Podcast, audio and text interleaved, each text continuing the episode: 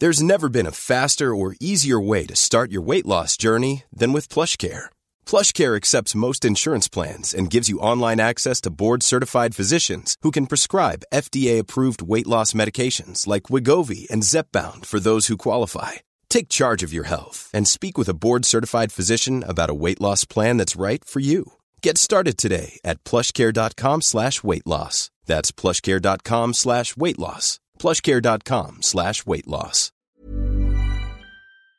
Oké, ik heb ehm, drie vragen voor jou. Oké. En die mag je aanvullen om heel even een beetje warm te Ja, draaien. helemaal goed. Echte liefde is voor mij...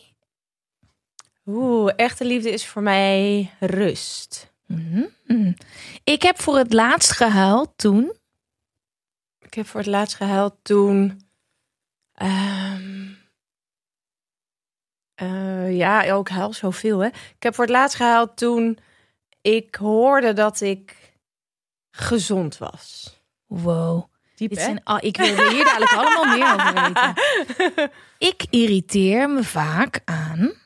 Eh, ik irriteer me vaak aan mensen die blijven hangen in hun groei. Wauw, we gaan beginnen. Let's go. Hallo allemaal, ben Van Poorten hier. Leuk dat je luistert naar Met z'n allen de podcast. Deze podcast is voor iedereen en met iedereen. Vanuit Café Chris Scholte in Amsterdam behandel ik vragen van luisteraars... en kunnen jullie live inbellen om mee advies te geven. Want samen is beter dan alleen. Iedere week schuift iemand aan om zijn of haar wijsheden te delen. En deze week is dat... Ze werd op 21 juni 1987 geboren en was een tijd werkzaam als Engelsdocente. Begin 2012 maakte het grote publiek kennis met haar toen ze als Nuran Meerdijk binnenkwam in goede tijden, slechte tijden. En dat ze naast acteren ook nog eens heel lekker kan dansen, hebben we gezien in Dance, Dance, Dance, waar ze met haar partner Stijn Fransen de sterren van de hemel danste.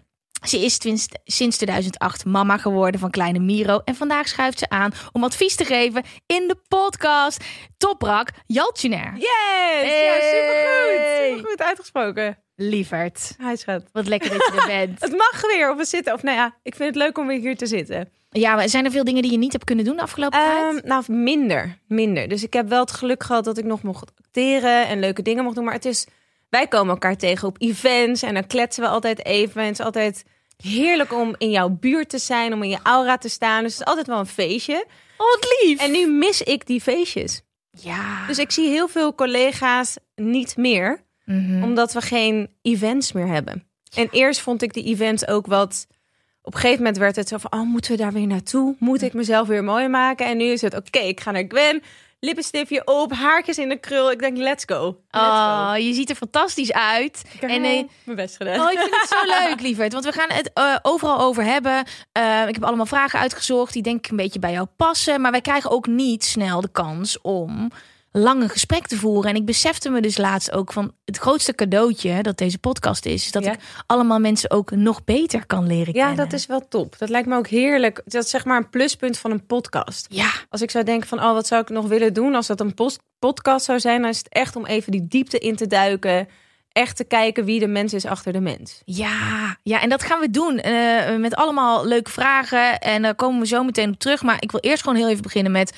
Hoe gaat het met je? Het gaat goed. Ik voel me vandaag relaxed. Ik voel me helemaal blij. Ik, de zon schijnt en daar word ik altijd heel blij van. Ja. En ik heb gewoon de ochtend helemaal voor mezelf gehad. En dan kan ik altijd even lekker starten. Want mijn zoontje die logeert bij mijn schoonmoeder. Mhm. Dus we hebben echt even uitgeslapen.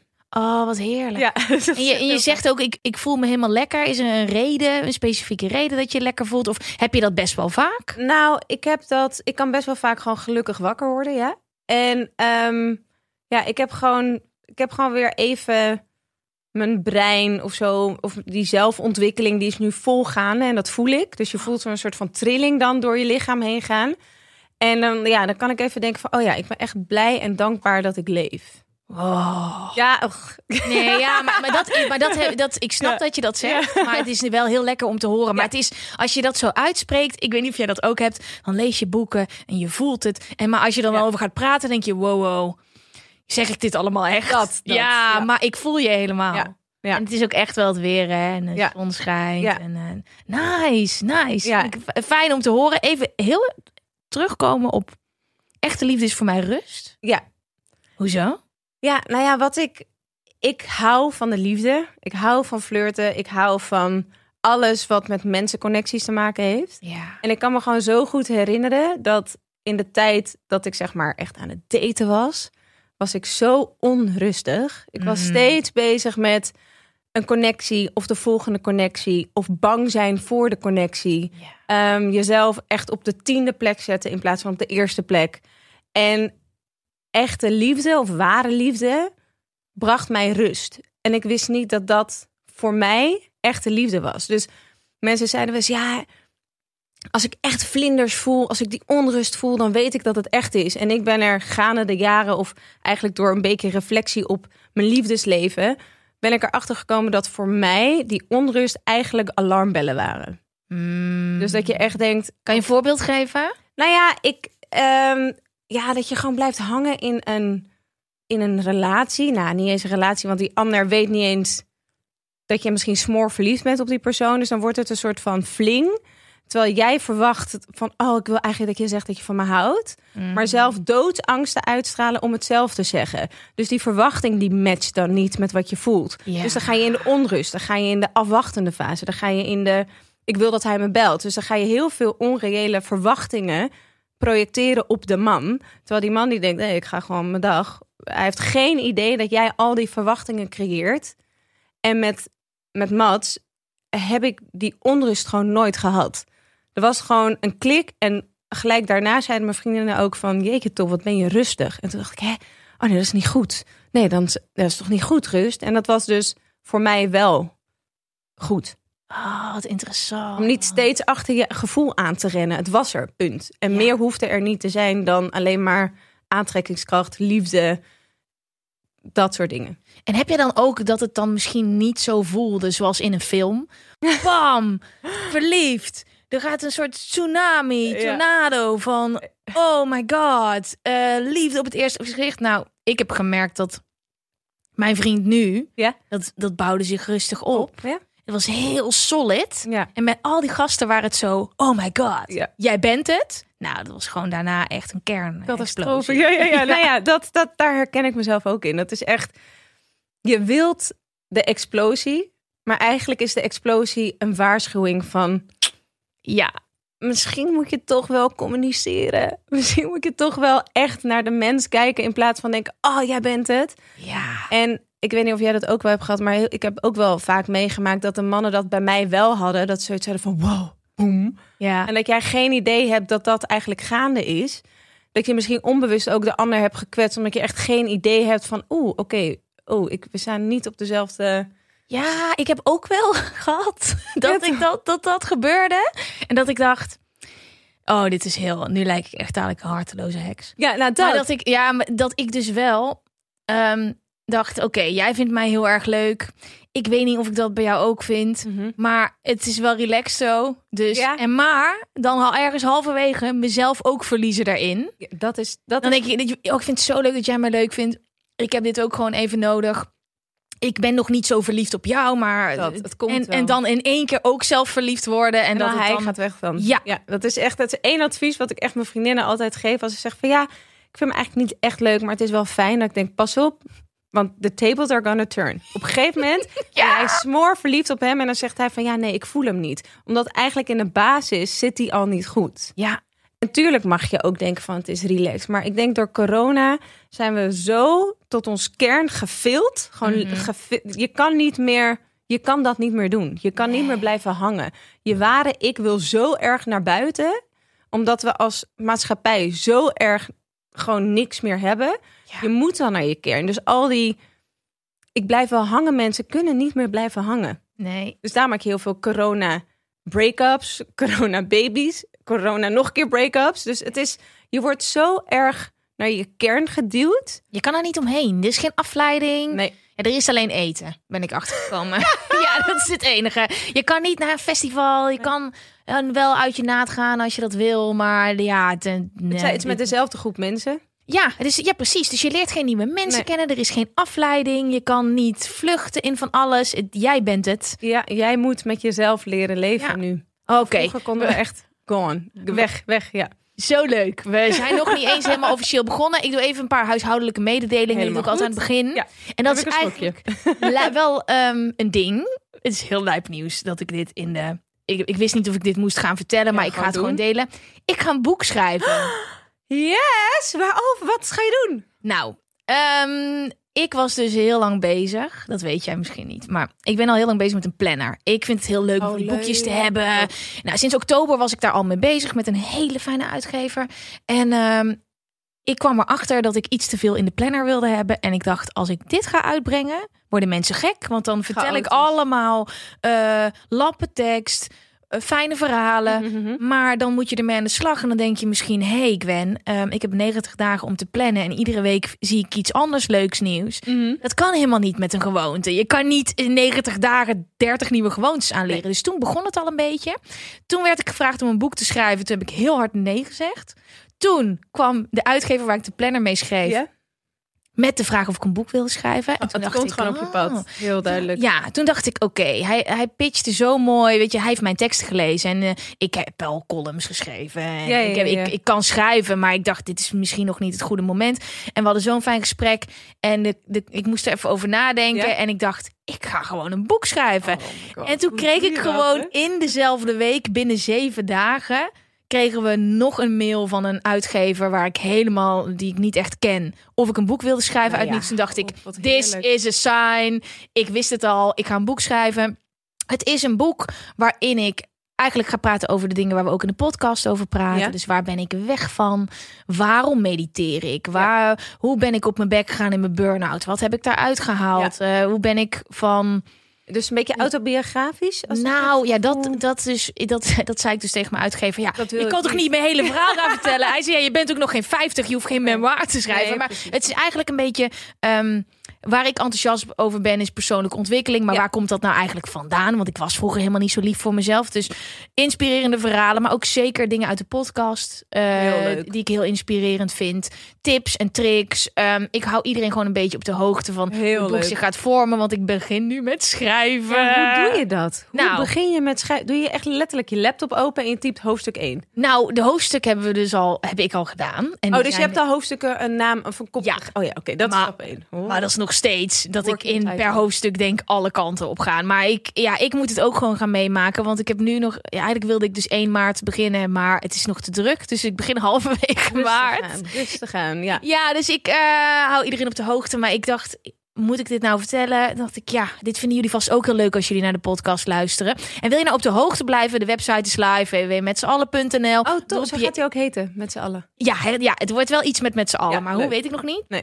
Maar het is echt wel een, een met z'n allen eh, boek. Te gek, te gek. En ehm, laat je e-mailadres achter als je op de hoogte wil blijven van alles. Van eh, het mediteren. We doen natuurlijk eh, met z'n allen mediteren af en toe samen. Van het boek, van de podcast. Drop je e-mailadres op de website. En stel je vraag ook voor in de podcast. Want dat is wat we nu gaan doen. We gaan gas geven met alle vragen die jullie anoniem hebben ingestuurd. Ehm, voordat we echt starten. Ja. ben jij iemand die, ze, advies, die advies, om advies gevraagd wordt? Word jij gebeld? Eh, ja. Ja. Yes, dat Ja. willen we. ja, en dat vind ik ook leuk. Want ik ben ook iemand die belt voor advies. Ja, wat, waar geef je graag advies in? Ja, het liefst gewoon mensrelaties. Weet ik veel over hoe eh, een vriendin van mij zich voelt. Of over, ja, echt wel gevoelens. Ik ben wel, ik wil, ik hou wel van emoties. En persoonlijke dus ontwikkeling. En ja, daar hou ik wel van. Maar je mag, advies geven is altijd leuk, vind ik. Oh, leuk. En advies nodig? Waar bel jij voor? Ja, ik kan echt eh, vooral met werkdingen. Of eh, als ik zeg van, hé, hey, ik ben nu gevraagd voor zo'n zo'n programma. Is dat wel iets voor mij? Moet ik het wel doen? En ehm, ik was vroeger, nou, ik ben ik nog wel echt een twijfelkont. Mhm. En dat wil ik gewoon niet meer. Ik wil me niet meer zo erg in tweestrijd voelen. Want mijn sterrenbeeld is ook tweelingen. Dus ik kan echt van, ik, alles, zeg maar, wil en kan alles. Ja. Maar soms moet ik toch even alles even door die trechter gooien. Mhm. Want ik heb niet energie voor alles. Maar mijn interesse Sterk. is wel overal. Maar soms moet ik even die focus hebben. En dan heb ik mijn, eh, mijn, mijn valnet nodig hoor. Oh, netjes. Mijn vangnet, ja. Mijn valnet, vangnet, hetzelfde. Oh, wat interessant. Ja, dat is precies waar ik mee bezig ben nu. Dat, Ja. dat hele, ik wil alles, maar ik moet een fucking boek schrijven. Dus we hebben nu Focus. afgesproken met mijn management dat we niks meer doen. Dus ook op, dus, ja, en dat is dus echt nee zeggen. En ook mensen die dan iets aan mij vragen die ik goed ken. Oh, die dan niet. Oh, maar we gaan, dit komt ook allemaal een beetje terug, want we hebben ook een mooie vraag over intuïtie. En ik denk dat dat heel. Nou, eh, het is heerlijk. Ik zit helemaal op mijn plek hier. we gaan beginnen met vraag 1. Ja. Hey, ik vraag me af hoe jullie wisten wat je talent was en hoe je erin bent gaan vertrouwen dat je dat kan. Groetjes, Elise. Nou, ik ga ervan uit, Elise, dat je niet eh, anoniem wil blijven.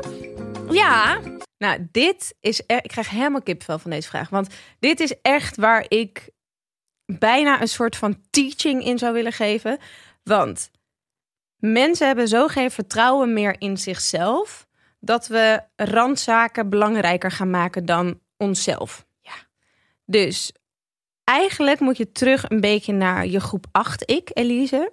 Want dat meisje van groep 8 weet precies wat zij wilde worden. En dat is iets geks, want tot aan die middelbare school heb je een soort van open blik naar de wereld. Je bent nog niet verpest, zoals dat ja, een beetje kan noemen. Want dat meisje van groep 8 wist echt wel wat ze wilde. Maar als we het over jou gaan hebben, jij was Engels docent. Ja, Ik wist dit helemaal niet. nee, nee. Maar hoe, hoe is dat ontstaan? Eh, nou ja, dus dan ga ik weer terug naar dat groep 8 meisje. Wij werden gevraagd om een, ehm, een bladzijde in te vullen met je naam en wat je dan later wilde worden. Mhm. En ik had docent, of leraar noemde ik dat toen, en actrice opgeschreven. Ja. En die twee dingen, ik heb dat blaadje ooit een keer weer teruggevonden. En lesgeven vind ik zo leuk, dat ik op een gegeven moment dacht van ja, ik moet er toch iets mee doen. Want ik ben zogezegd door stapelonderwijs heen gegaan. Dus ik heb de MAVO gedaan, toen MBO, toen HBO. Dus ik had wat langer om na te denken wat ik nou daadwerkelijk wilde worden. Dus toen heb ik SPW 4 gedaan. En daarna was het moment dat ik me moest inschrijven voor een opleiding. En ik dacht, paniek. Ik kan toch niet zonder school zitten, maar ik weet ook niet wat ik wil. Dus voor mij was het meest veilige docent Engels. Mhm. Want ik was net 18 geworden toen ik die keuze moest maken. Ja. En ik voelde me nog niet sterk genoeg voor de theaterschool, want dat is echt een harde leerschool. Dus ik dacht, weet je, ik doe wel docent Engels. En als ik klaar ben met die opleiding, dan ben ik 21, 22. En kan ik altijd nog auditie doen als ik wil. En ehm, ja, dat was wel de beste keuze. Want ik vind docent, of in ieder geval mijn tijd als juf, heb ik echt als zeer waardevol ervaren. Dat lijkt me ook iets waar je echt zoveel zelfvertrouwen uit kan halen. Ja, het was meer. ehm, ja, ik, ik was misschien niet de allerbeste linguist, zeg maar, de allerbeste Engelse docent. Ik vond de stof niet belangrijk. Ik vond dat kinderen in mijn klas, of de studenten in mijn klas, dat die met mij Engels spraken en dan over zaken in hun leven. Echt, ik wist dat ik sommige toetsen moesten we doen. Je moest sommige doelen behalen in het jaar. Maar ik vond hun persoonlijke groei zoveel interessanter dan het grammatica-regeltje I am, we were en dat soort dingen. Dat ik eigenlijk gaande weg. Ik deed dan 10 minuten. Oké jongens, ik weet dat jullie spanningsboog zo is. Was in die 10 minuten gaan we heel even grammatica doen. En dan gaan we die grammatica toepassen in een soort van kletsuurtje. Wauw. En dat heeft voor mij heeft dat hele mooie momenten opgeleverd met de leerlingen zelf. Want ik wist echt waar ze stonden in hun leven. En ik was niet bezig met welk niveau Engels hebben zij nu. Want Engels leren ze toch wel op, op televisie en boeken. Alles is zo Engels. Nu al helemaal met YouTube. Al die YouTubers zijn volgens mij Engels. Of die spreken Engels. Ik weet niet wat er aan de hand is. Maar dat komt echt wel goed. Dus zonder dat je de nadruk echt legt op de taal was ik veel meer geïnteresseerd in het pedagogische. In gewoon wie ben jij en wat wil je doen als je klaar bent met MBO of VMBO was het toen. Ja, VMBO. Wat interessant. En ik heb daar nooit zo over nagedacht.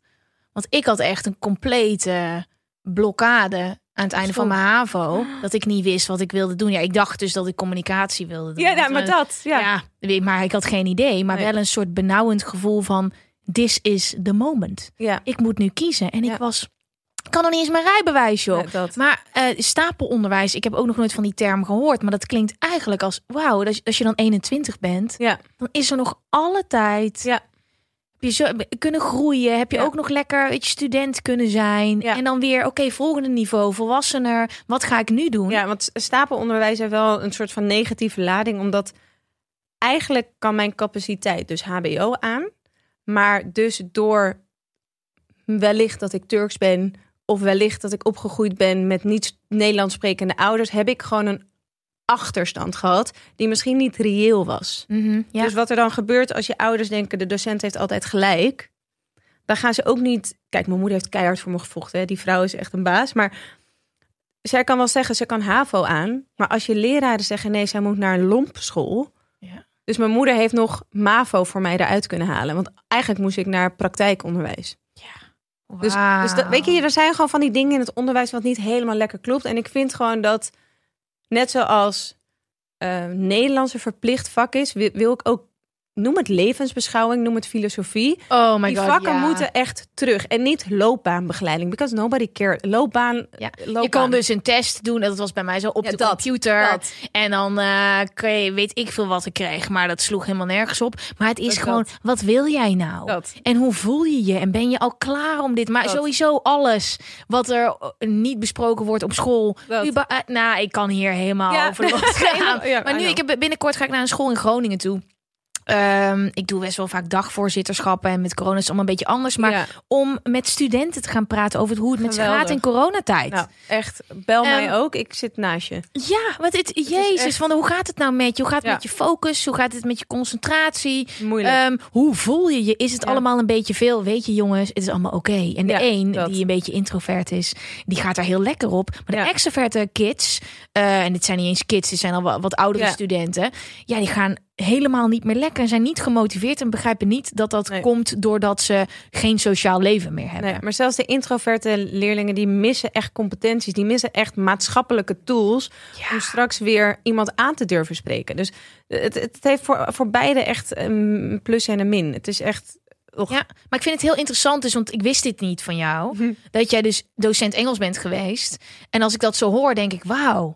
Uiteindelijk, ik weet niet of jij er ook zo zelf naar kijkt. is heel mooi hoe je die, die trappetjes op bent gegaan. Want ik weet niet wat er hierna gaat komen, hoe dit precies is gegaan. Maar ik denk, ja, je hebt wel bewuste keuzes gemaakt. Je bent nergens, oh, ik ga maar dit doen. Ik nee. heb uiteindelijk geen één bewuste keuze gemaakt. Het is echt keuzes uit blinde paniek, maar wel keuzes die, eh, waar ik vertrouwen in had. Mm, Want ik maar heb- dat is toch ook wel... Ja, maar ik heb Ja. echt in mijn, in, mijn, in mijn jonge jeugd, of hoe heet dat, jong volwassen, was ik zo bang om keuzes te maken, omdat ik niet begreep dat de keuze die je maakt de enige echte keuze is. Dus ik begreep niet dat je eigenlijk geen keuze maakt, maar oké, dus eh, het is lastig. Dus wat, eh, laten we zeggen, broodje kip of broodje kaas Ja. ik kon daar al helemaal lijp op gaan. Ik denk, nou, het gaat niet meer goed. Ik weet niet of ik kip wil of ik weet niet of ik kaas wil.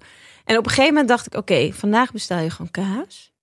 En als je het echt een slechte keuze vindt, kom je morgen terug en neem je de kip. Ja. Nou, dat was stap één. Dacht ik, oké, chill. Oké, dus ik heb vrijheid. Dus je moet jezelf eerst die vrijheid, ge- vrijheid geven. En toen dacht ik, eigenlijk is de keuze die je maakt bij voorbaat al de beste keuze, omdat die andere keuze niet bestaat. Het is een illusie. ja, ik snap wat Snap je bedoelt. hem? Dus de keuze die je maakt is al de pad die je gaat bewandelen. En dat andere bestaat niet. Dus waarom ga je daar zorgen over maken om iets wat niet bestaat?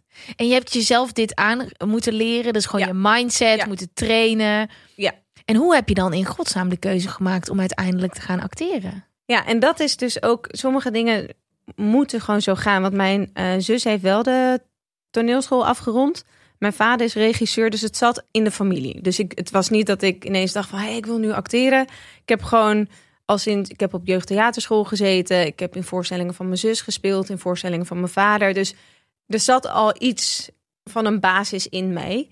En ehm, mijn vader heeft me toen ook allemaal ingeschreven op castingbureaus. Dus dat is wel je ouders.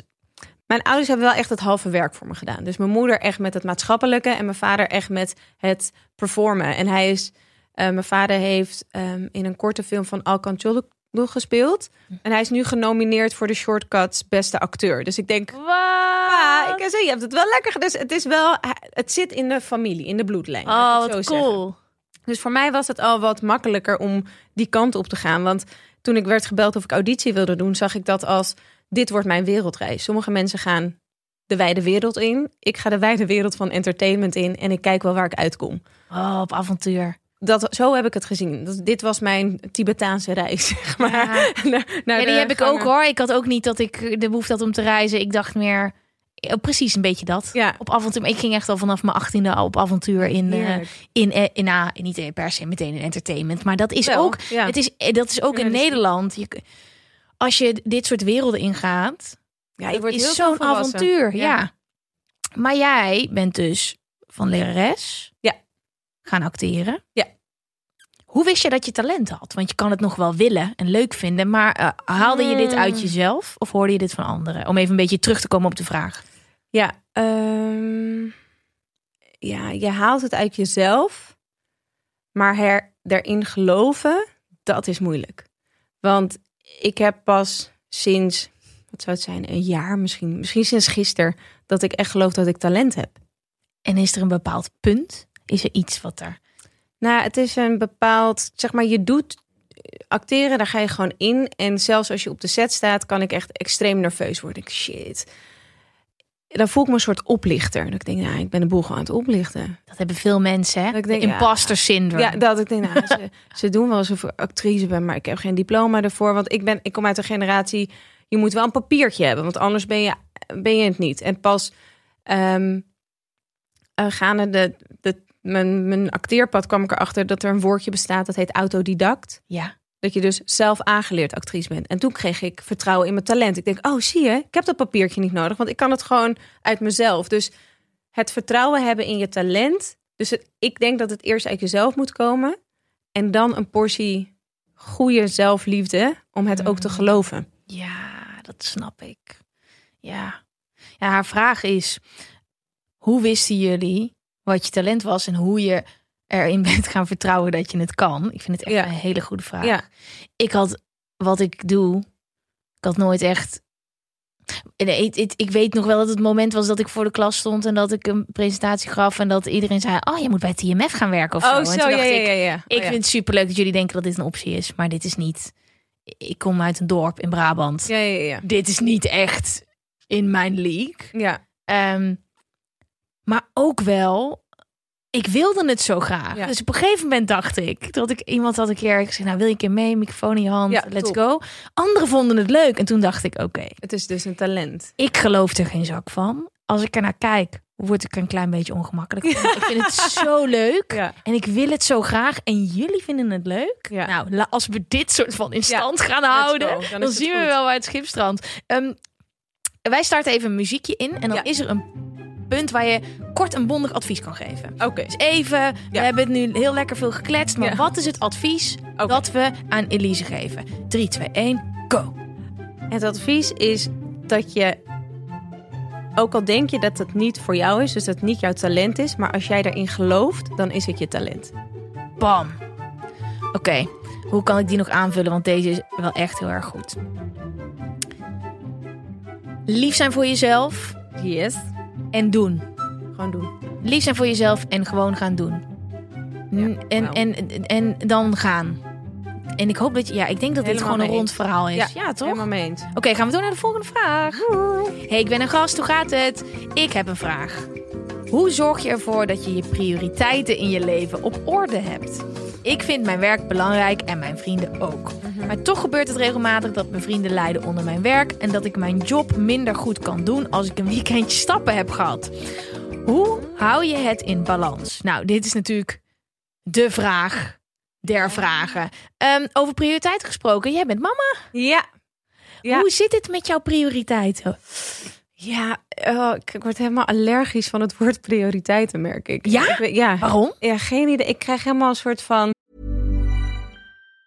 This Mother's Day, celebrate the extraordinary women in your life with a heartfelt gift from Blue Nile. Whether it's for your mom, a mother figure, or yourself as a mom, find that perfect piece to express your love and appreciation. Explore Blue Nile's exquisite pearls and mesmerizing gemstones that she's sure to love. Enjoy fast shipping options like guaranteed free shipping and returns. Make this Mother's Day unforgettable with a piece from Blue Nile. Right now, get up to 50% off at BlueNile.com. That's BlueNile.com. There's never been a faster or easier way to start your weight loss journey than with PlushCare. PlushCare accepts most insurance plans and gives you online access to board-certified physicians who can prescribe FDA-approved weight loss medications like Wigovi and Zepbound for those who qualify. Take charge of your health and speak with a board-certified physician about a weight loss plan that's right for you. Get started today at plushcare.com slash weight loss. That's plushcare.com slash weight loss. plushcare.com slash weight loss. eh, een verstikkend gevoel. En ik vind dat Mm. dat dus niet het geval moet zijn. En als ik zo die vraag hoor, dan voel ik ook dat zij verstikt raakt in haar prioriteiten. Ja. Want wat de fuck zijn prioriteiten? Die Dus jij op nummer één zet. ja. En ik vind dat je, ja, ik ben nu mama, dus eh, Miro is echt, I, echt, I love him. Oh. Maar zolang ik mijzelf niet op nummer één heb, ben ik ook echt geen goede moeder. 100 procent. En dat is wel trial, dus dat trial and error. Dus Ja. dat heb ik geleerd Ja. door echt fouten te maken. Want ik had eh, na de geboorte van mijn zoon had ik hem helemaal op één.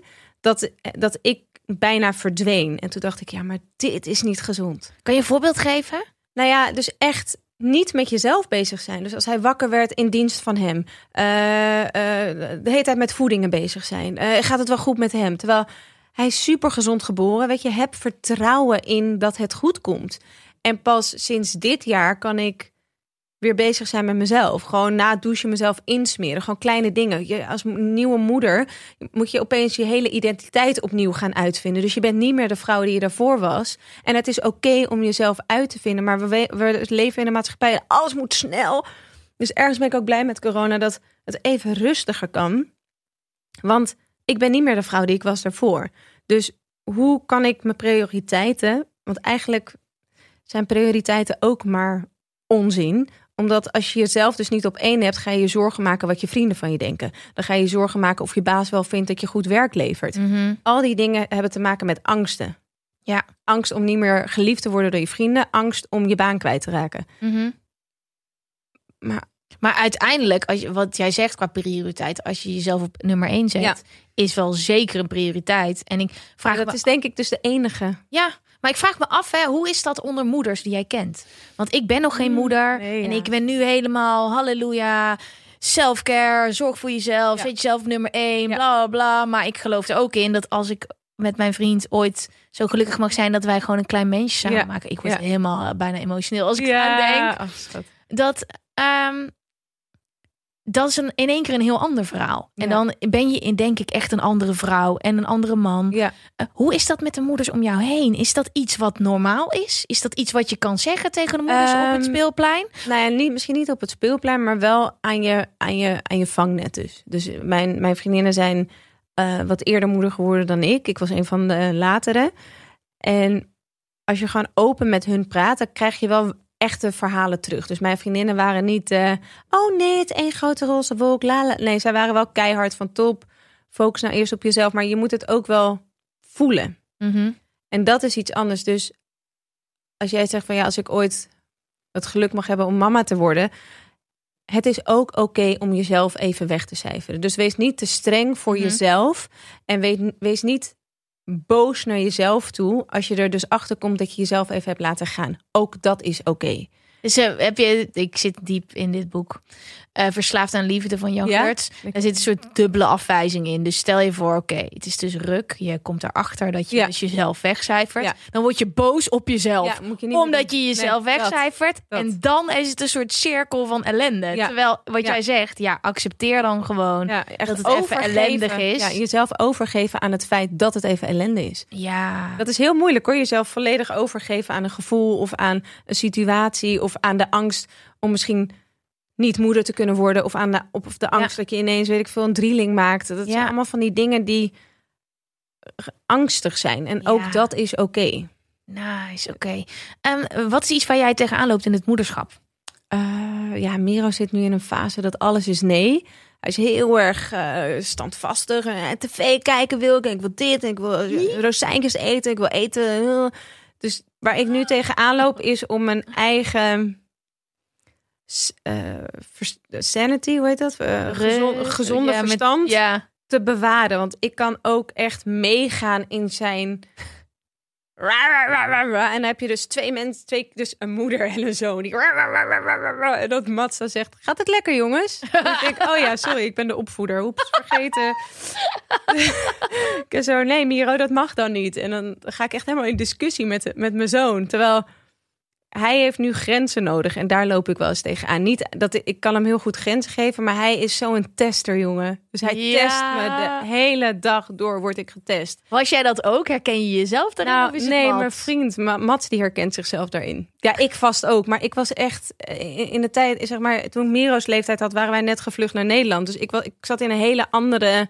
Ik was gewoon aanhankelijk aan mijn moeder. Ik wou dat zij bij me. Dus ik was iets meer Ja. zo'n kind, denk ik. Maar dat Kan je daar nog iets van herinneren? helemaal niks. Nee, Nee? nee, Heb je daar wel eens met je moeder over? Ja, daar hebben we het toevallig laatst met mijn moeder over gehad, waar Mats ook bij was. En, ehm, en dan als ik dat zo hoor, dan ben ik blij dat ik daar geen herinneringen meer van heb. Want het is wel gewoon een stressvolle situatie.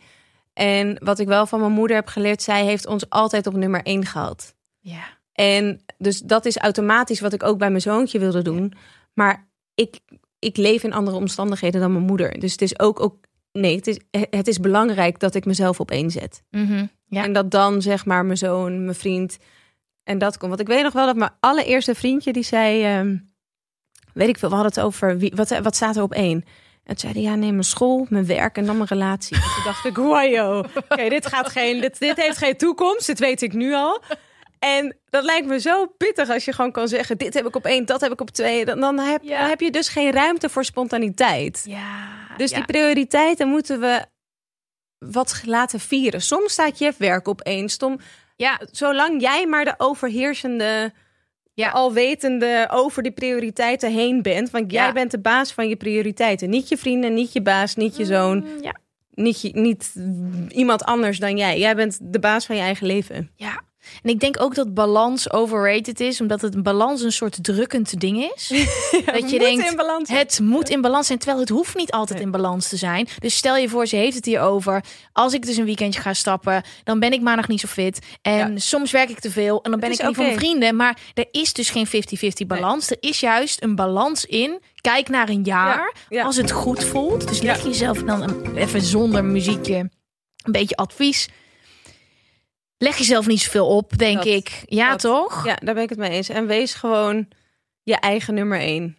Hoppatee. Ja. Maar dat, en ik vind dat van moeders dus zo krachtig om te horen. Omdat ik kan dat niet zeggen tegen iedereen. Zek- Zeker niet als je moeder bent. Want ik weet Ja. helemaal niet hoe dat is. Nee, ja, kijk, Miro staat altijd met mij op één. Kijk, la- Ja, tuurlijk. laat me Ja, heeft je nodig. Maar ik kan, niet, eh, ik kan niet zijn nummer één zijn als ik niet mezelf op nummer één heb. Dat gaat gewoon niet. Dat werkt Nee, niet. Dan, dan, niet. Ben ik, dan ben ik niet meer toprak, maar dan ben ik moeder. En ik ben ook heel erg toprak nog. Dus dat moeten we wel nog erbij houden. Nice.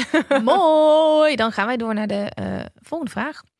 Ehm, hey, ik luister iedere week en ik hoop dat mijn vraag erin komt. Nou, dat is gelukt. Oh, leuk. Ik heb mijn diploma recent behaald en ik heb voor het eerst een fulltime baan. Woep woep, staat erachter. Dat Ja, doe ik niet. Ik Staat denk woep, corona, door, door corona dat ze blij is. Ja, zeker. Echter merk ik wel meteen dat mijn zorgeloze studentenleventje voorbij is. Ik ervaar best wel veel druk en ik kan het niet loslaten als ik thuis ben. Hoe gaan jij en je gast om met stress? Hebben jullie tips om je hoofd leeg te maken? Nou, voordat we tips gaan geven, Ja. want eh, love deze vraag. Meer Ja. van dit soort vragen. Ja. Ehm, ben je snel gestrest? Oh ja, ik kan echt stressen om alles. Voorbeelden. Ehm, ja, eh, weet ik veel. Ik kan al gestrest raken als mijn zoontje zegt... nee, ik wil niet naar de crash. En dat ik hem naar de crash breng en denk ik... ja, heb ik wel een goede keuze gemaakt. Komen weer bij die keuze.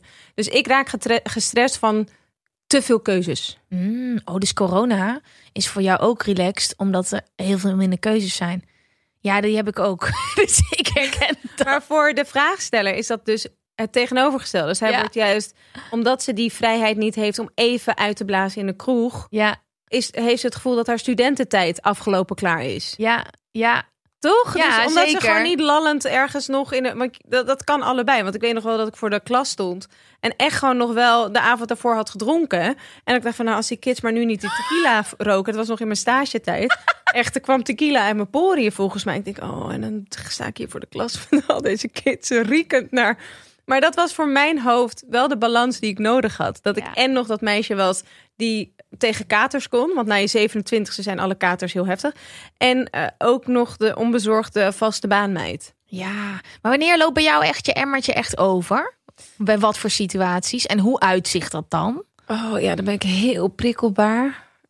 ja, het is gewoon niet goed. Stress, stress, nee. Ik kan dan echt, dan gaat mijn hartslag omhoog en dan krijg ik helemaal fysieke verschijnselen ook. Ja. En dan ben ik gewoon echt, dan kan ik niks meer hebben.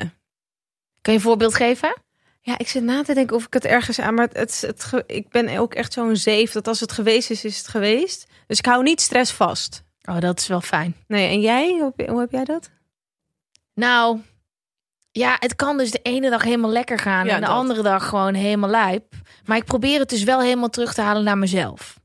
En daar moet ik me dus niet in verliezen. En wat Dus- bedoel je met helemaal terughalen naar jezelf? Nou, als er dingen om mij heen gebeuren, ik weet Dus dingen die misgaan. dingen die Ja. misgaan, mensen waar het niet lekker mee loopt, Nee. situaties. Ik probeer dat heel erg op mezelf te trekken. Dat probeer ik al heel lang. Dus Mhm. ik ben heel erg into boeken, coaching.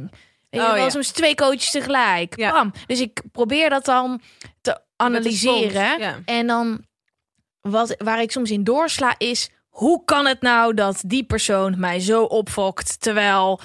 En dan wil ik weten waar dat door komt. Dus ik kan het heel erg overanalyseren Ja. en denken... s'avonds laat, ik krijg dit berichtje. Nog malen, malen. malen. Waarom? Hoezo doet dat dit met mij? Dus Ja. ik kan gewoon stressen omdat ik stress ergens van heb. Dat Ja. kan een beetje, dit klinkt een beetje gek. Ja, maar, dat ehm, dus mijn eigen triggers en eh, eh, eh, dat slaat natuurlijk nergens op. Daar hadden we het net al over. Waarom zou ik, als ik stress heb, ik krijg een naar berichtje of een raar berichtje of een berichtje dat ik helemaal niet moet hebben. Nee. Ehm, waarom zou ik dan?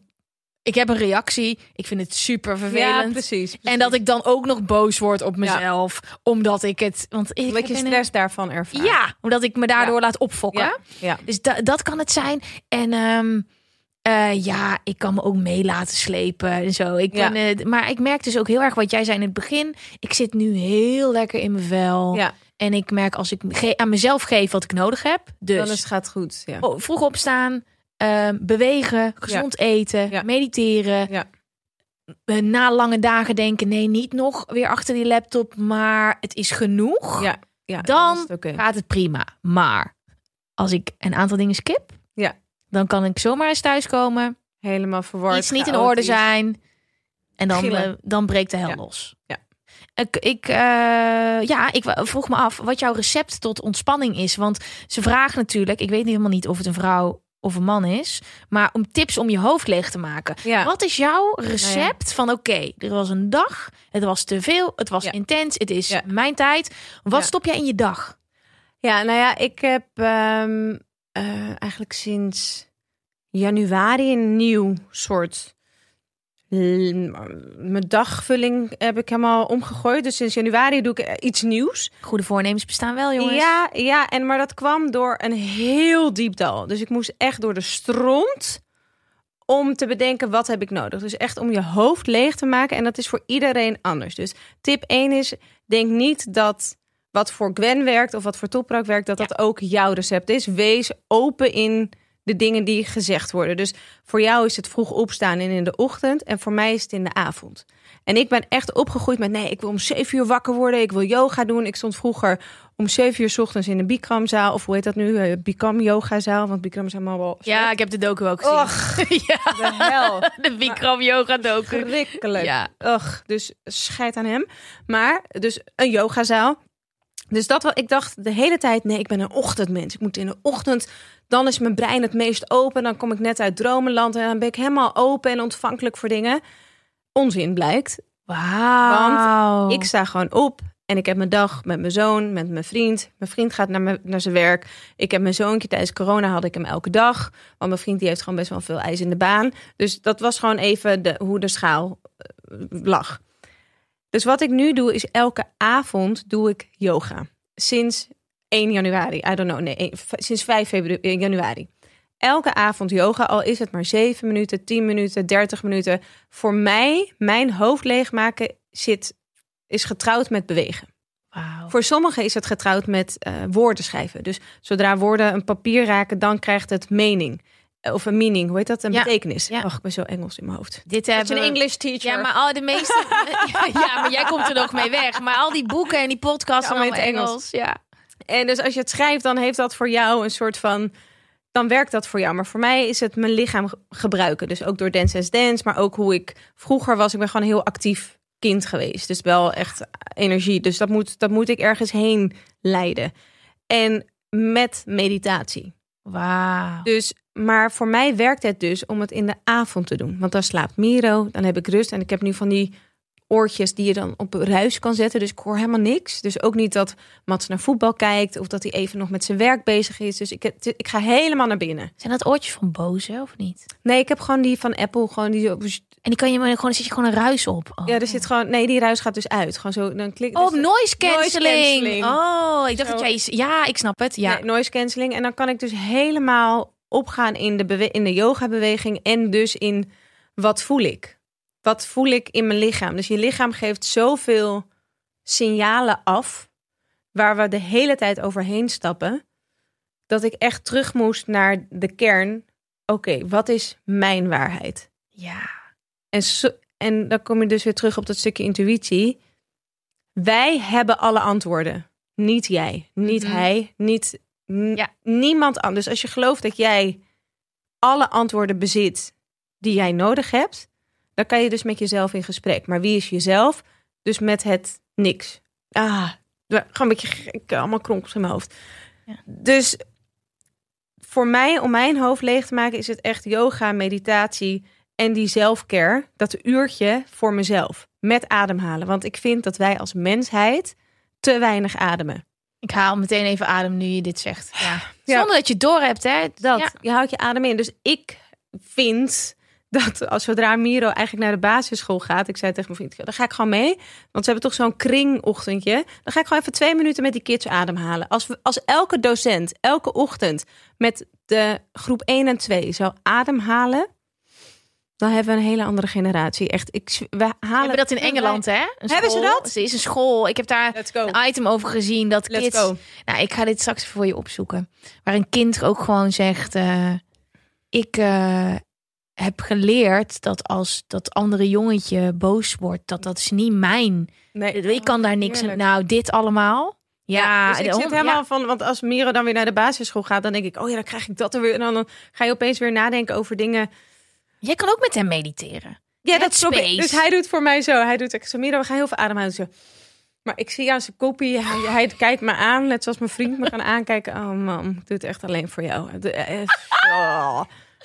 Ja. Dus hij doet het soms wel echt met vol overgave, maar ik voel gewoon nog dat hij echt denkt van, moet ik hiermee? Ik ben gewoon nog een kind, ik adem echt nog goed, man. Ik ben nog niet eh, daar. Ik denk, oké, nou, klaak je wel eventjes. Ja, maar als ze het leuk vinden, dan komt dat vanzelf Ja. wel. Ja, dus hij doet wel eens yoga met me mee en dan vindt hij dat heel leuk. Maar dan, hij heeft het kind, hij heeft een spanningsboog van 30 seconden. Op Headspace staan allemaal echt leuke dingetjes. Ook met die leuke vormgeving van Headspace. Met Ja. een beetje cartoon.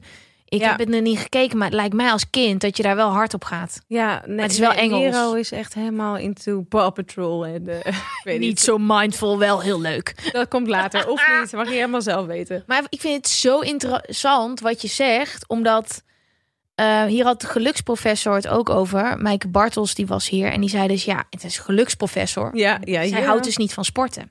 Nee, Dit is gewoon niet haar ding. Maar dat is gewoon, het dus maakt niet. haar niet gelukkig. En voor iedereen is er een ander recept. Ja. En dat jij ook misschien wel ook door een andere fase in je leven ja, ja. een ander mens wordt en iets anders nodig hebt Ja. en daarvoor open staat. Ja. Want het kan zomaar zijn dat jij denkt, nou oké, dus ik weet, eh, Gwen zegt eh, meditatie, eh Toprak zegt yoga. Ehm, ik doe alles en ik, en ik vind dit En belangrijk. En je bent iets aan het doen wat niet werkt en niet goed voelt, omdat anderen het zeggen. Terwijl het begint allemaal bij jou. ja, ja. En jij, dat je dus naar de avond bent geswitcht, terwijl je dacht dat het allemaal in de ochtend Nou, moest. ik dacht in de avond, je moet niet aan mijn avond komen. Terwijl misschien de, ook door, dan komen we weer op het leuke woord corona. In de, we hadden niks meer te doen in de avond. ja, Dus ik had ineens heel veel ruimte over. Ik was op een gegeven moment zat ik op de bank en ik was gewoon boos op de tv. Ik denk, jij geeft me niet meer de voldoening die ik nodig heb. al die talkshows zijn was alleen maar zo- kut. Ik denk, nou echt, ik wil gewoon Ja. tv uitgedaan. Ik dacht, nou oké, dus dit is ook echt waste of time. Ja, En toen dacht ik, ja, en ik hou van boeken, maar ik ben dus iemand die.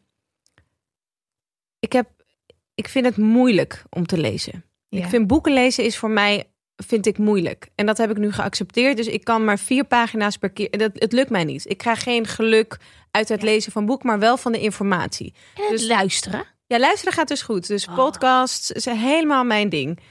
Maar ik kreeg ook die voldoening niet meer daaruit. Dus ik denk, nou, ik moet yoga. Dus toen heb ik het erin gegooid. En echt teruggaan naar je kern, naar wie jij bent. Of gewoon in het stilzitten. Ligt er zoveel schatten, zeg maar, soort van verborgen, die Alles. je wegdrukt en die kunnen dan ineens naar boven komen.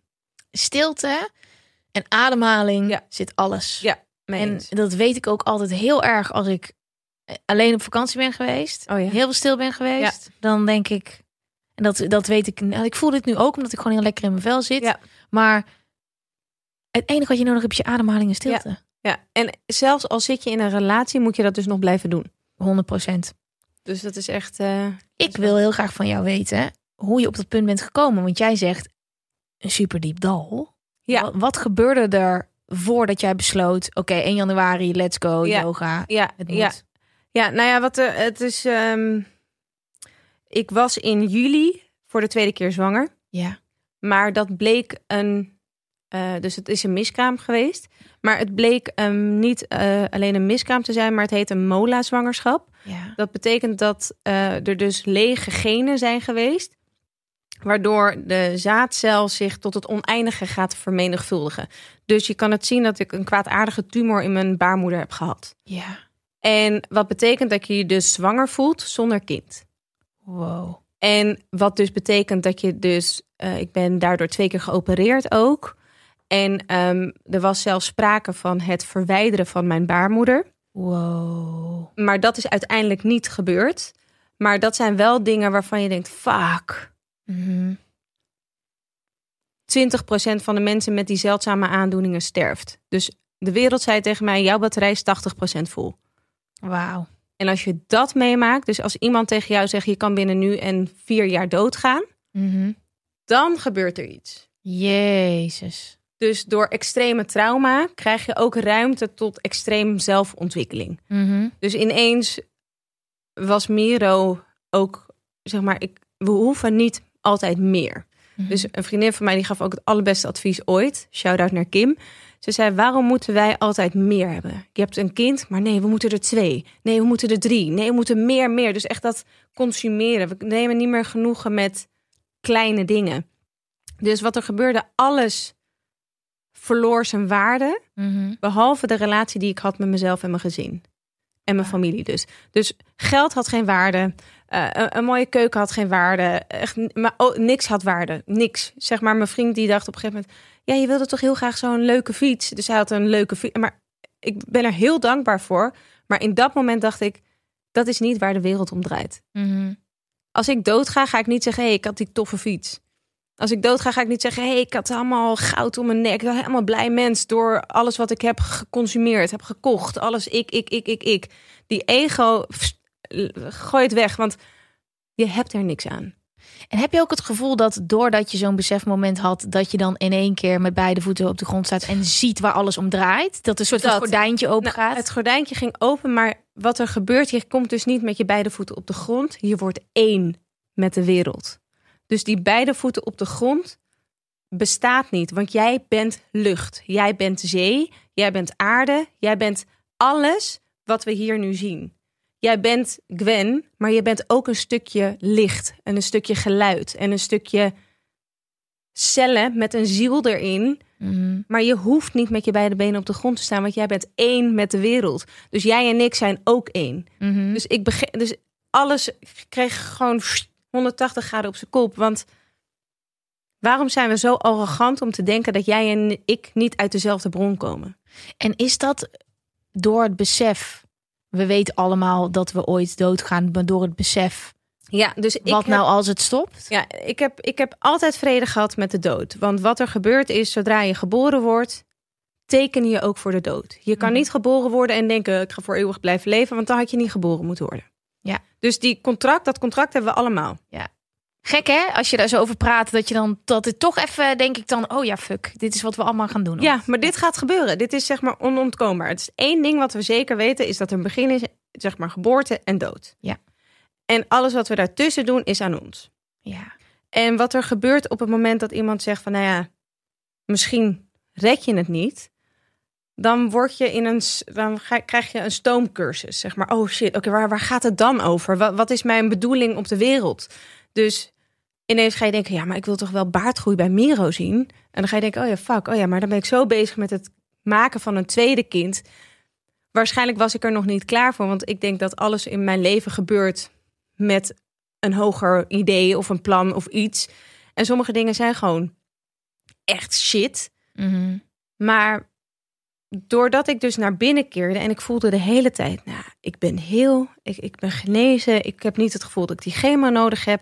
Ik heb helemaal niet het gevoel dat mijn baar, dus ik heb helemaal gesprekken met mijn baarmoeder gevoerd. Want dat, je gaat, want wij zijn zo bezig met wat daar gebeurt, dat we vergeten dat je gewoon gesprekken kan voeren met je lijf.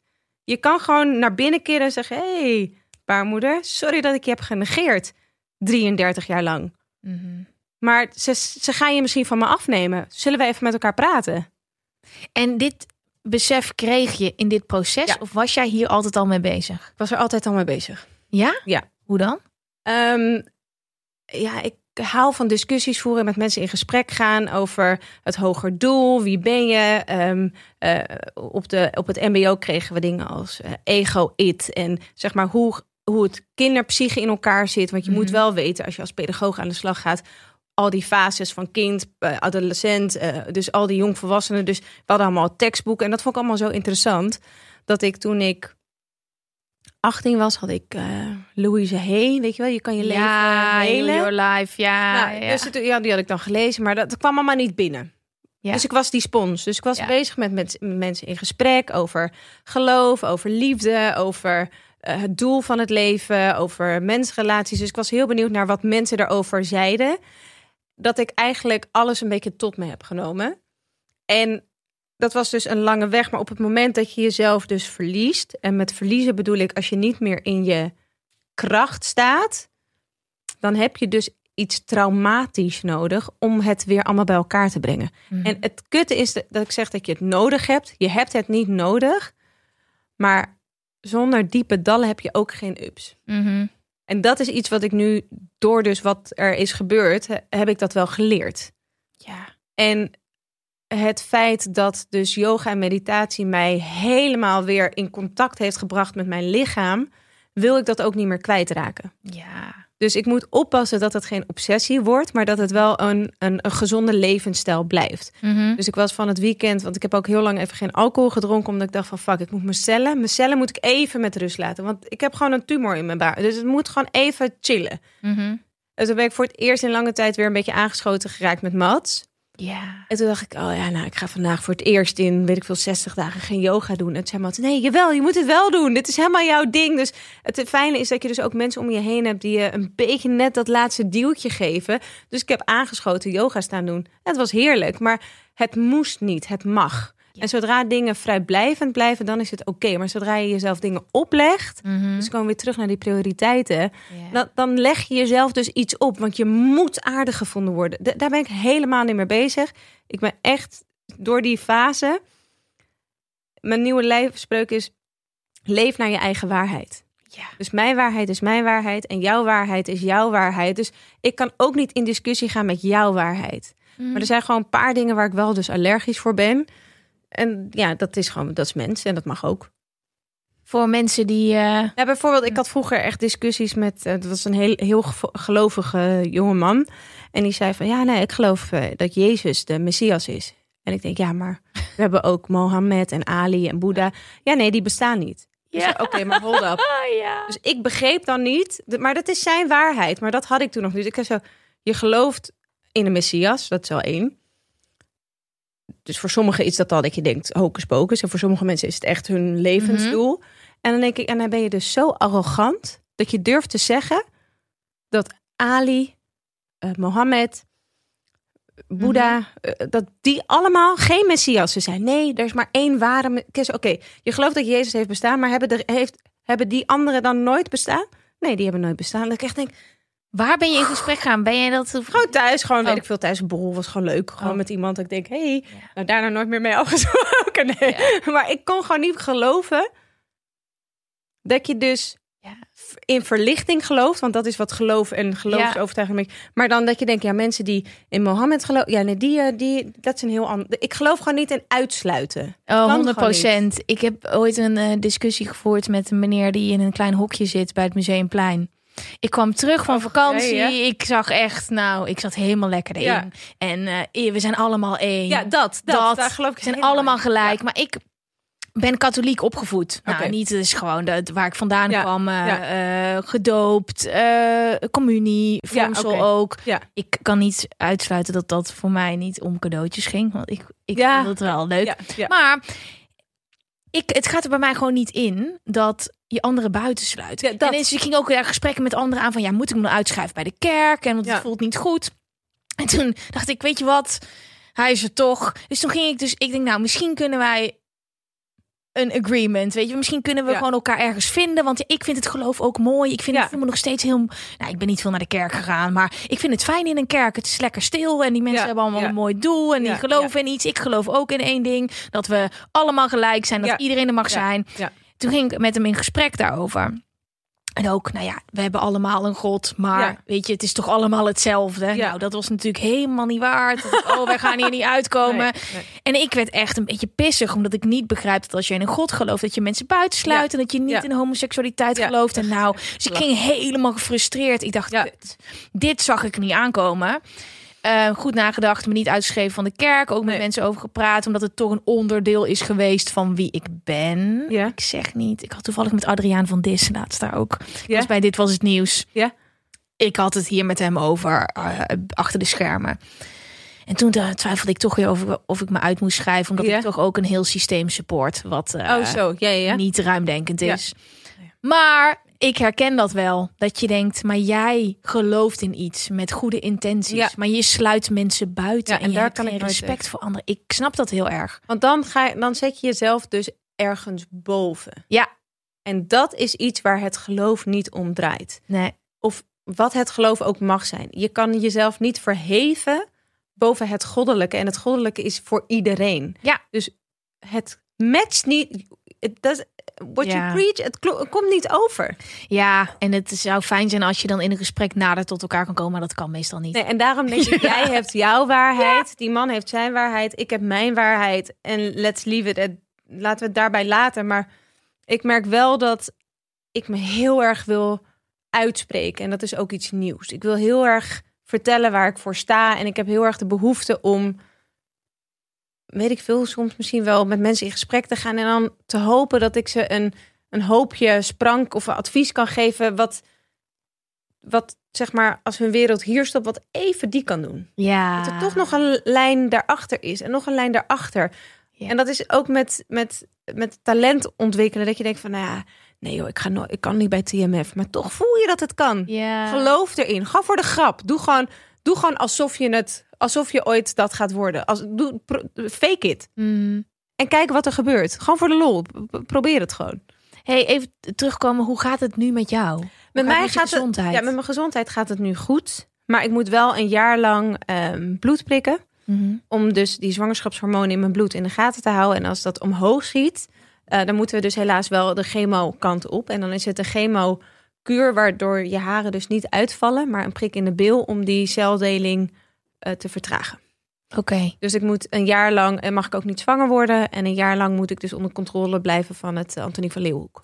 Ja, dus je zit eh, in een traject en Ja. je wordt goed in de gaten Ja. gehouden. Maar ik Ja. vind het heel mooi om te zien wat er met jou is gebeurd dan. En dan een, een bewustzijn, maar ook een rust. Want je straalt zoveel rust uit. Ja, een vriendin van mij, die, ik vertelde haar dit verhaal en ze was helemaal aan het huilen. En ze zegt, Top, hoe kan je dit nou vertellen zonder, bijna zonder gevoel? Ik zei, tuurlijk, ik, ik, ik scheid doodangsten uit.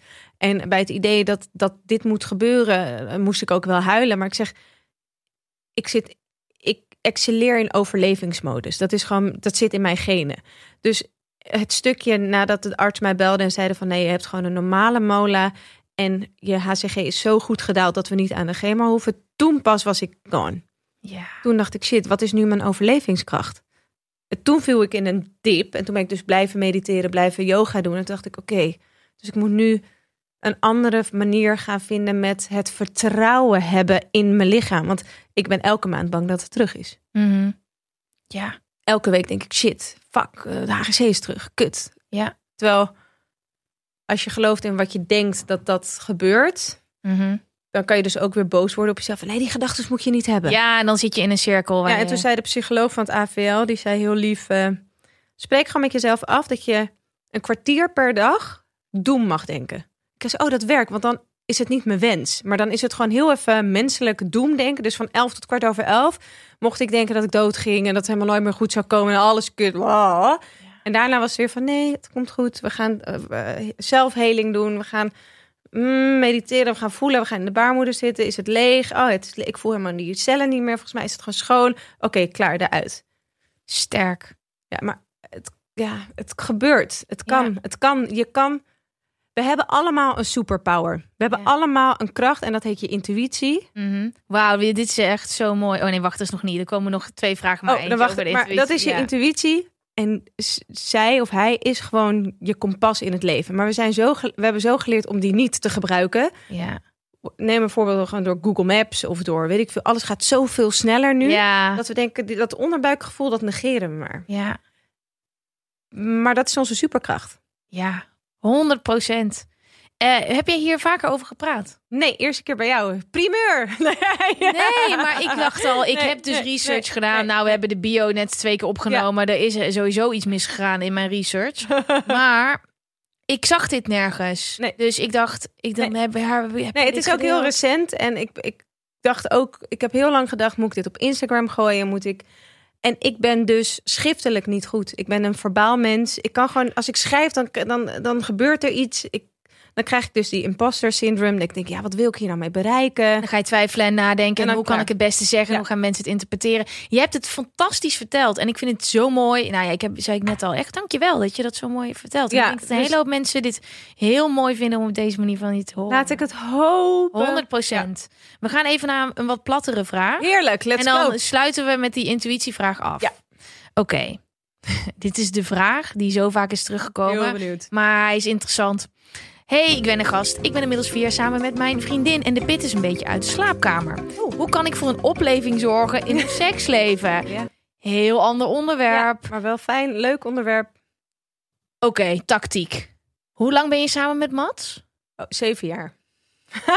Wat is het geheim?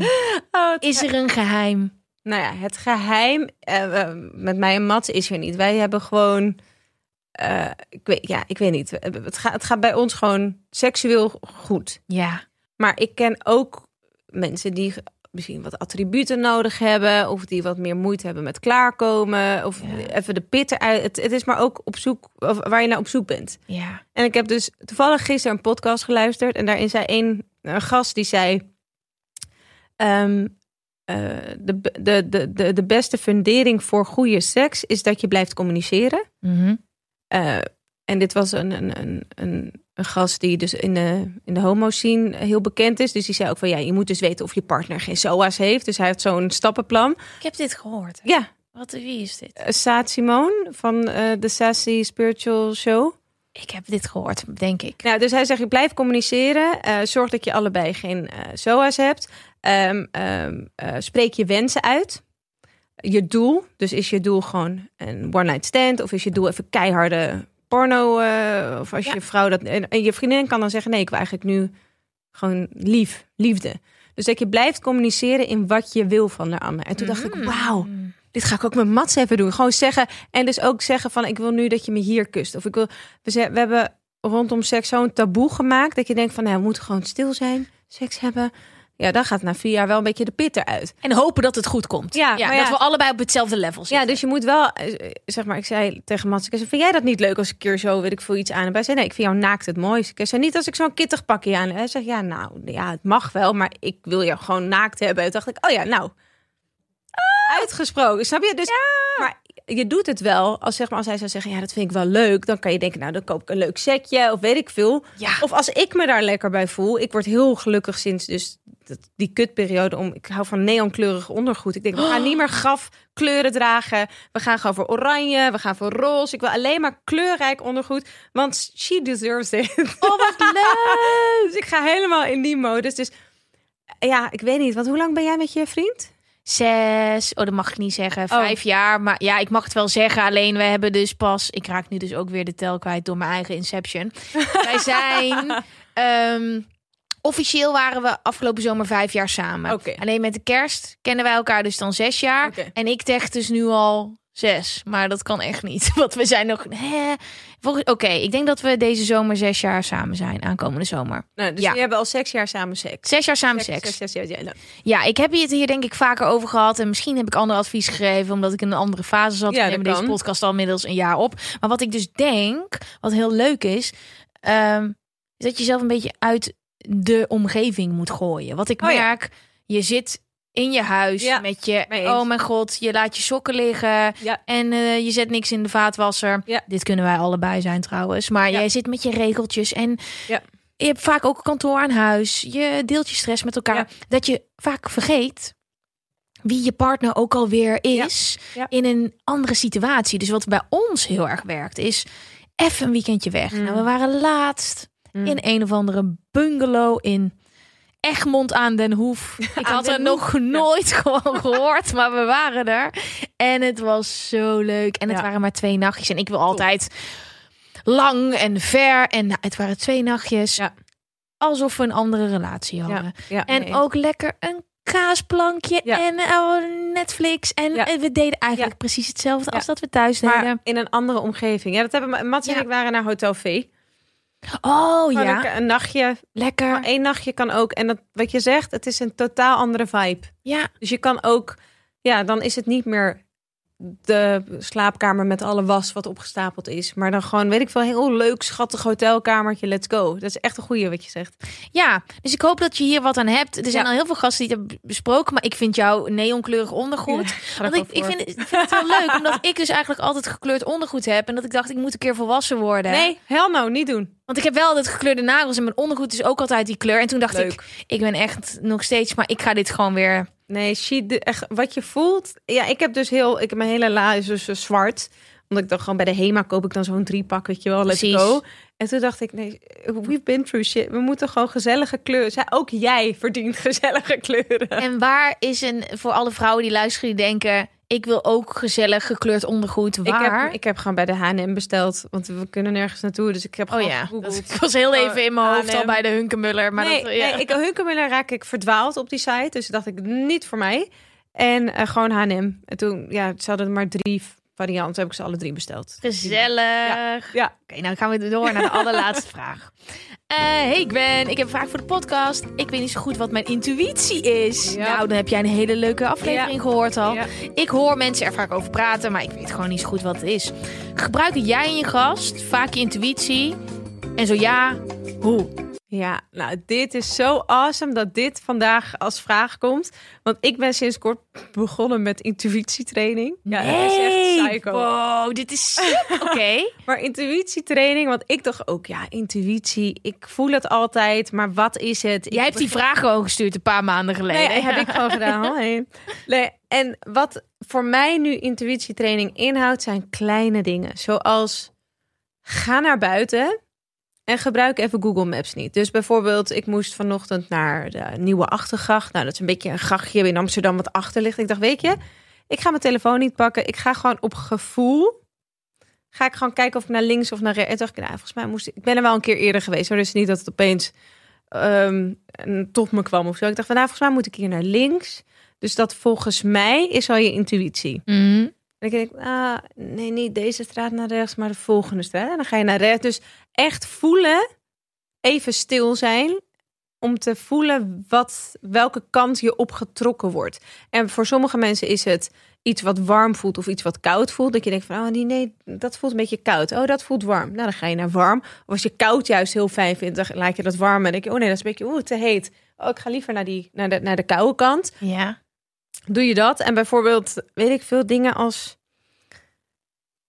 eh, dat je iets denkt en dat precies die dag die vriendin belt. Of dat ik nu met intuïtie bezig ben en dat ik net precies deze vraag krijg. Mhm. Dat zijn van die trainingen waardoor je bevestigd wordt dat je intuïtie bestaat. Ja, ja, ja. Dus dat ik hier al over na heb gedacht, kan dus al misschien iets betekenen voor de vraag. ja. Dat je echt denkt, oh, nou ja, zo kan het dus lopen. Gewoon, gewoon kleine dingen. Gewoon intuïtief dat je denkt, oh, volgens mij moet ik mijn moeder even bellen. Doe het dan. Ga niet denken, nee, ik ben gek geworden. Nee, dat klopt niet. En dan zegt je moeder misschien, er is niks aan de hand. Maar een half jaar later zegt ze, ja, weet je nog, die dag dat je me belde, was eigenlijk best wel fijn. Dus je hoeft niet meteen antwoord te krijgen dat je intuïtie werkt. Maar het kan ook later een keer tot Ja. uiting komen dat het heeft gewerkt. Dus intuïtietraining is gewoon puur kijken welke richting je op wilt. En je oogkleppen een beetje afdoen, denk ik. Oh, die oogklep moet je weggooien. Throw it away. Alleen als je dus focus moet hebben, maar gebruik dan je pupillen in plaats van die oogkleppen. Let's throw them away. Oh, Oogkleppen cool werken dat je niet. Ik heb veel mensen die bewust bezig zijn met hun intuïtie. En intuïtietraining hoor ik ook wel eens af en toe. Maar het is absoluut, denk ik, wel iets wat je kan trainen. Zeker, juist. Ik merk heel erg het. Ehm, dus als ik mijn recept volg, Ja. dus dat hele ding, dan En is dat is intuïtie. mediteren. Ja, dus dan eh, op tijd opstaan, eh eh, s ochtends meteen mediteren, Ja. meteen in beweging komen, meteen gaan wandelen. Ja.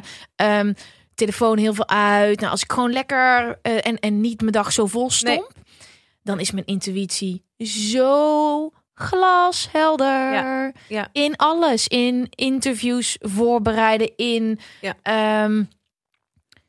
Dingen die ik, waar ik nog iemand Ja. voor moet bellen en een lijstje maak voor mijn agent waar zij Ja, mij dan dat. over, over belt.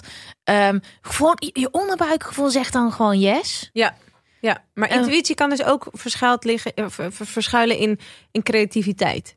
Ja. Dat je denkt ineens van, oh, oh ja. Dat dat eigenlijk al je intuïtie is. Weet ik veel, om te gaan schilderen of om iets te gaan maken of om iets. Dus eh, dat je denkt van, oh, ik wil iets doen, kan al je intuïtie zijn. Ja, en hoe eh, onderscheid je dat dan van de dingen die je hoort die niet zo goed zijn? Want je hebt natuurlijk een hele hoop stemmetjes in je hoofd. Hey, ja, dan moet je dus altijd afvragen. ja, ja, ja. Dus als je zegt, als dat stemmetje zegt, ik ben niet goed genoeg. Wie is de ik die ik niet goed genoeg vind? Ja, blijf bij de les voor als jullie nu. eh, Dus wie, ja, Dus als jij dus al die stemmetjes hoort, dan, dan kan je weer even terug naar die stilte. Dat je denkt, maar wie is die ik die nu boos is op ik? Ja. En wie blijft er dan over? Heb je een voorbeeld? Ik snap het hoor. Maar... Eh, bijvoorbeeld, nou laten we het houden op. ehm, eh, eh, ik kan dit niet. Ik kan niet. ik kan niet. laten we het met sporten. Ik kan niet 20 kilo optillen. Mhm. En dan zeg je, nou, wie is dan die ik die die 20 kilo niet kan optillen? Nou, dat is een stemmetje die of mij wil beschermen voor een blessure, of eh, die denkt eh, of mij onderschat.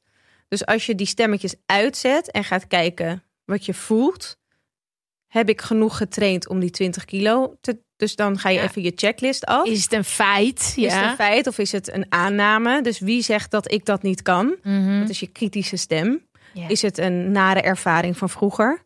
Is het een, een ouder die nooit in jou heeft geloofd? Is het een vriendje die heeft eh, gezegd dat je niks waard bent? Dus wie zijn Ja. al die ikken die zeggen dat jij iets niet kan? Wie is die, wie is Ja. die ik die overblijft? Een oneindige bron van liefde en een oneindige bron van kansen. ja. Dus intuïtie is jij die alles kan. Ja. Ja, en het is. En ik denk ook. Het is een gevoel. En je kan het heel nuchter zien en je kan er spiritueel naar kijken. ja, ja. Maar als iets in jou zegt nee, dan is het nee. Nee, dat. En als iets in jou zegt let's go, dan luister daar eens naar. Want je kan het dus wel dood gaan beredeneren. Stel je voor, je wil heel graag gaan acteren.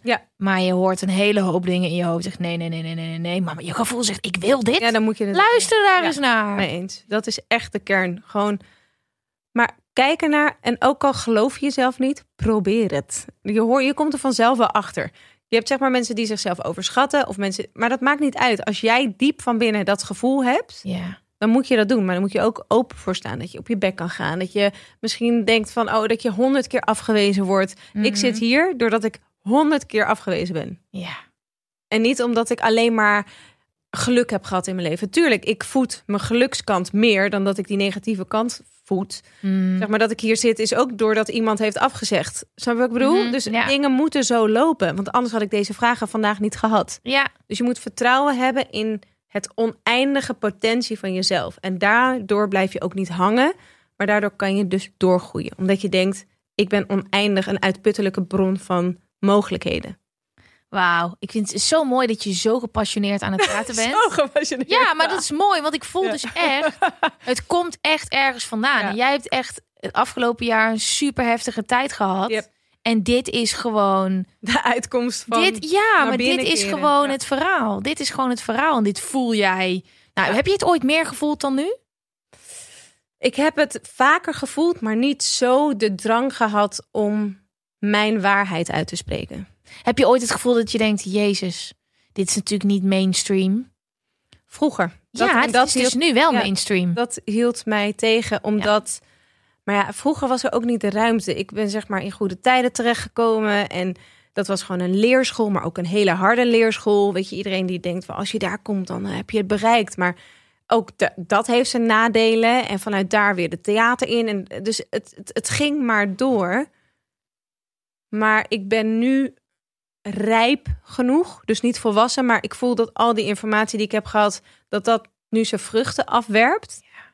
Dat ik ook me kan verwoorden. Voorheen kon ik de woorden niet vinden om te vertellen wat ik voelde. Ja. En aan het begin van de podcast ging ik ook even door die doolhof in mijn hoofd. Dat ik denk, shit, hoe ga ik mezelf nu uit? En dacht ik, let it go. Surrender. Geef je maar over. Ja. Gewoon, eh, als je gaat blijven hangen in die doolhof van gedachtes, dan ben je gewoon nog even bezig met rijpen. En dat is ook oké. Ja, het is zo mooi, want jij hebt dus een hele hoop boeken gelezen. En je interesse lag er altijd al. En Ja. ik herken dat wel, dat Ja. je dus dingen meeneemt en dingen leert. Ja. Dat je denkt, is allemaal superleuk. Maar ik weet echt niet zo goed wat ik hiermee moet. Totdat er een heet vuur is, een diep dal, Ja. heftige shit. Jankend op de bank, op de grond. Ik weet niet meer hoe het verder moet in mijn leven. We hebben allemaal van dit soort punten. En dat zijn allemaal niet de dingen die je op Instagram ziet. Nee, Mensen hebben geen idee wat jij de afgelopen tijd hebt meegemaakt. En nog steeds weten mensen van mij ook niet precies Nee. wat ik de afgelopen jaren allemaal heb meegemaakt. Nee. Want daar hebben we het allemaal niet over. En Nee. dat zijn de momenten dat er in één keer een soort van helderheid komt. Dat je Ja. denkt, fuck, Ja. ja, mee eens. het zit er allemaal in. En dat merk ik. En ik vind het echt zo leuk dat je er was. Ja, ik vind het Dit was fantastisch. Ja, ik ben helemaal blij mee. Ik had al helemaal een goed gevoel hierover. Ik denk, ik wil bij Gwen. Ik wil bij haar zitten. Zo Dat, dat, is, dat, moet, dat, is, dat moet gewoon een keer gebeuren. Nou, ik vind het zo leuk dat je zo enthousiast bent. Ja, en dit is, ja, dit is gewoon echt een heerlijk Ja, en blijf doorgaan. Schrijf je boek. We need uh, more Gwen. Oh, Ja, meer lieverd. van Gwen. Dank je wel, lieverd. Jij bedankt. Wil je nog eh, iets eh, zeggen? Komt er nog iets aan? Wil je over iets kletsen? Is er iets wat ik vergeten ben? Nee joh, echt helemaal niks. We hebben anderhalf uur gekletst. Oh echt? Ja. Oh god, ja. Ja, is Nee, dus ja. dit is nou, het is exact anderhalf uur Oh, en dat is ook een beetje mijn doel altijd. Nou, het is exact anderhalf uur, lieverd. Perfect. Dankjewel dat je er was. Nee, bedankt.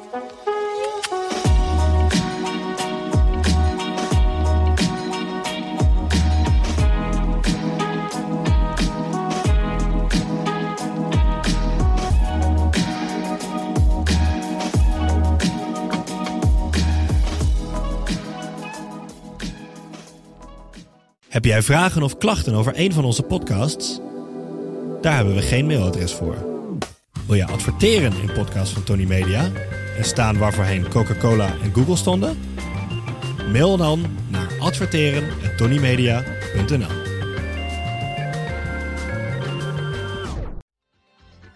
Weet je waar ik zo'n tyfushekel aan heb? Toeristen, als het te druk is in de stad, zelf koken. Ja, alles wat je nu zojuist benoemt. En daarom maken jij, denk Daan Hogevorst, Ja, Robert Rodenburg.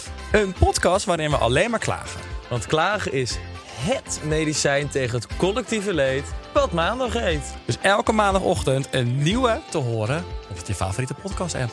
Maandag Klaagdag! Jezus, zingen moeten wij nooit doen. Normally, being a little extra can be a bit much, but when it comes to healthcare, it pays to be extra.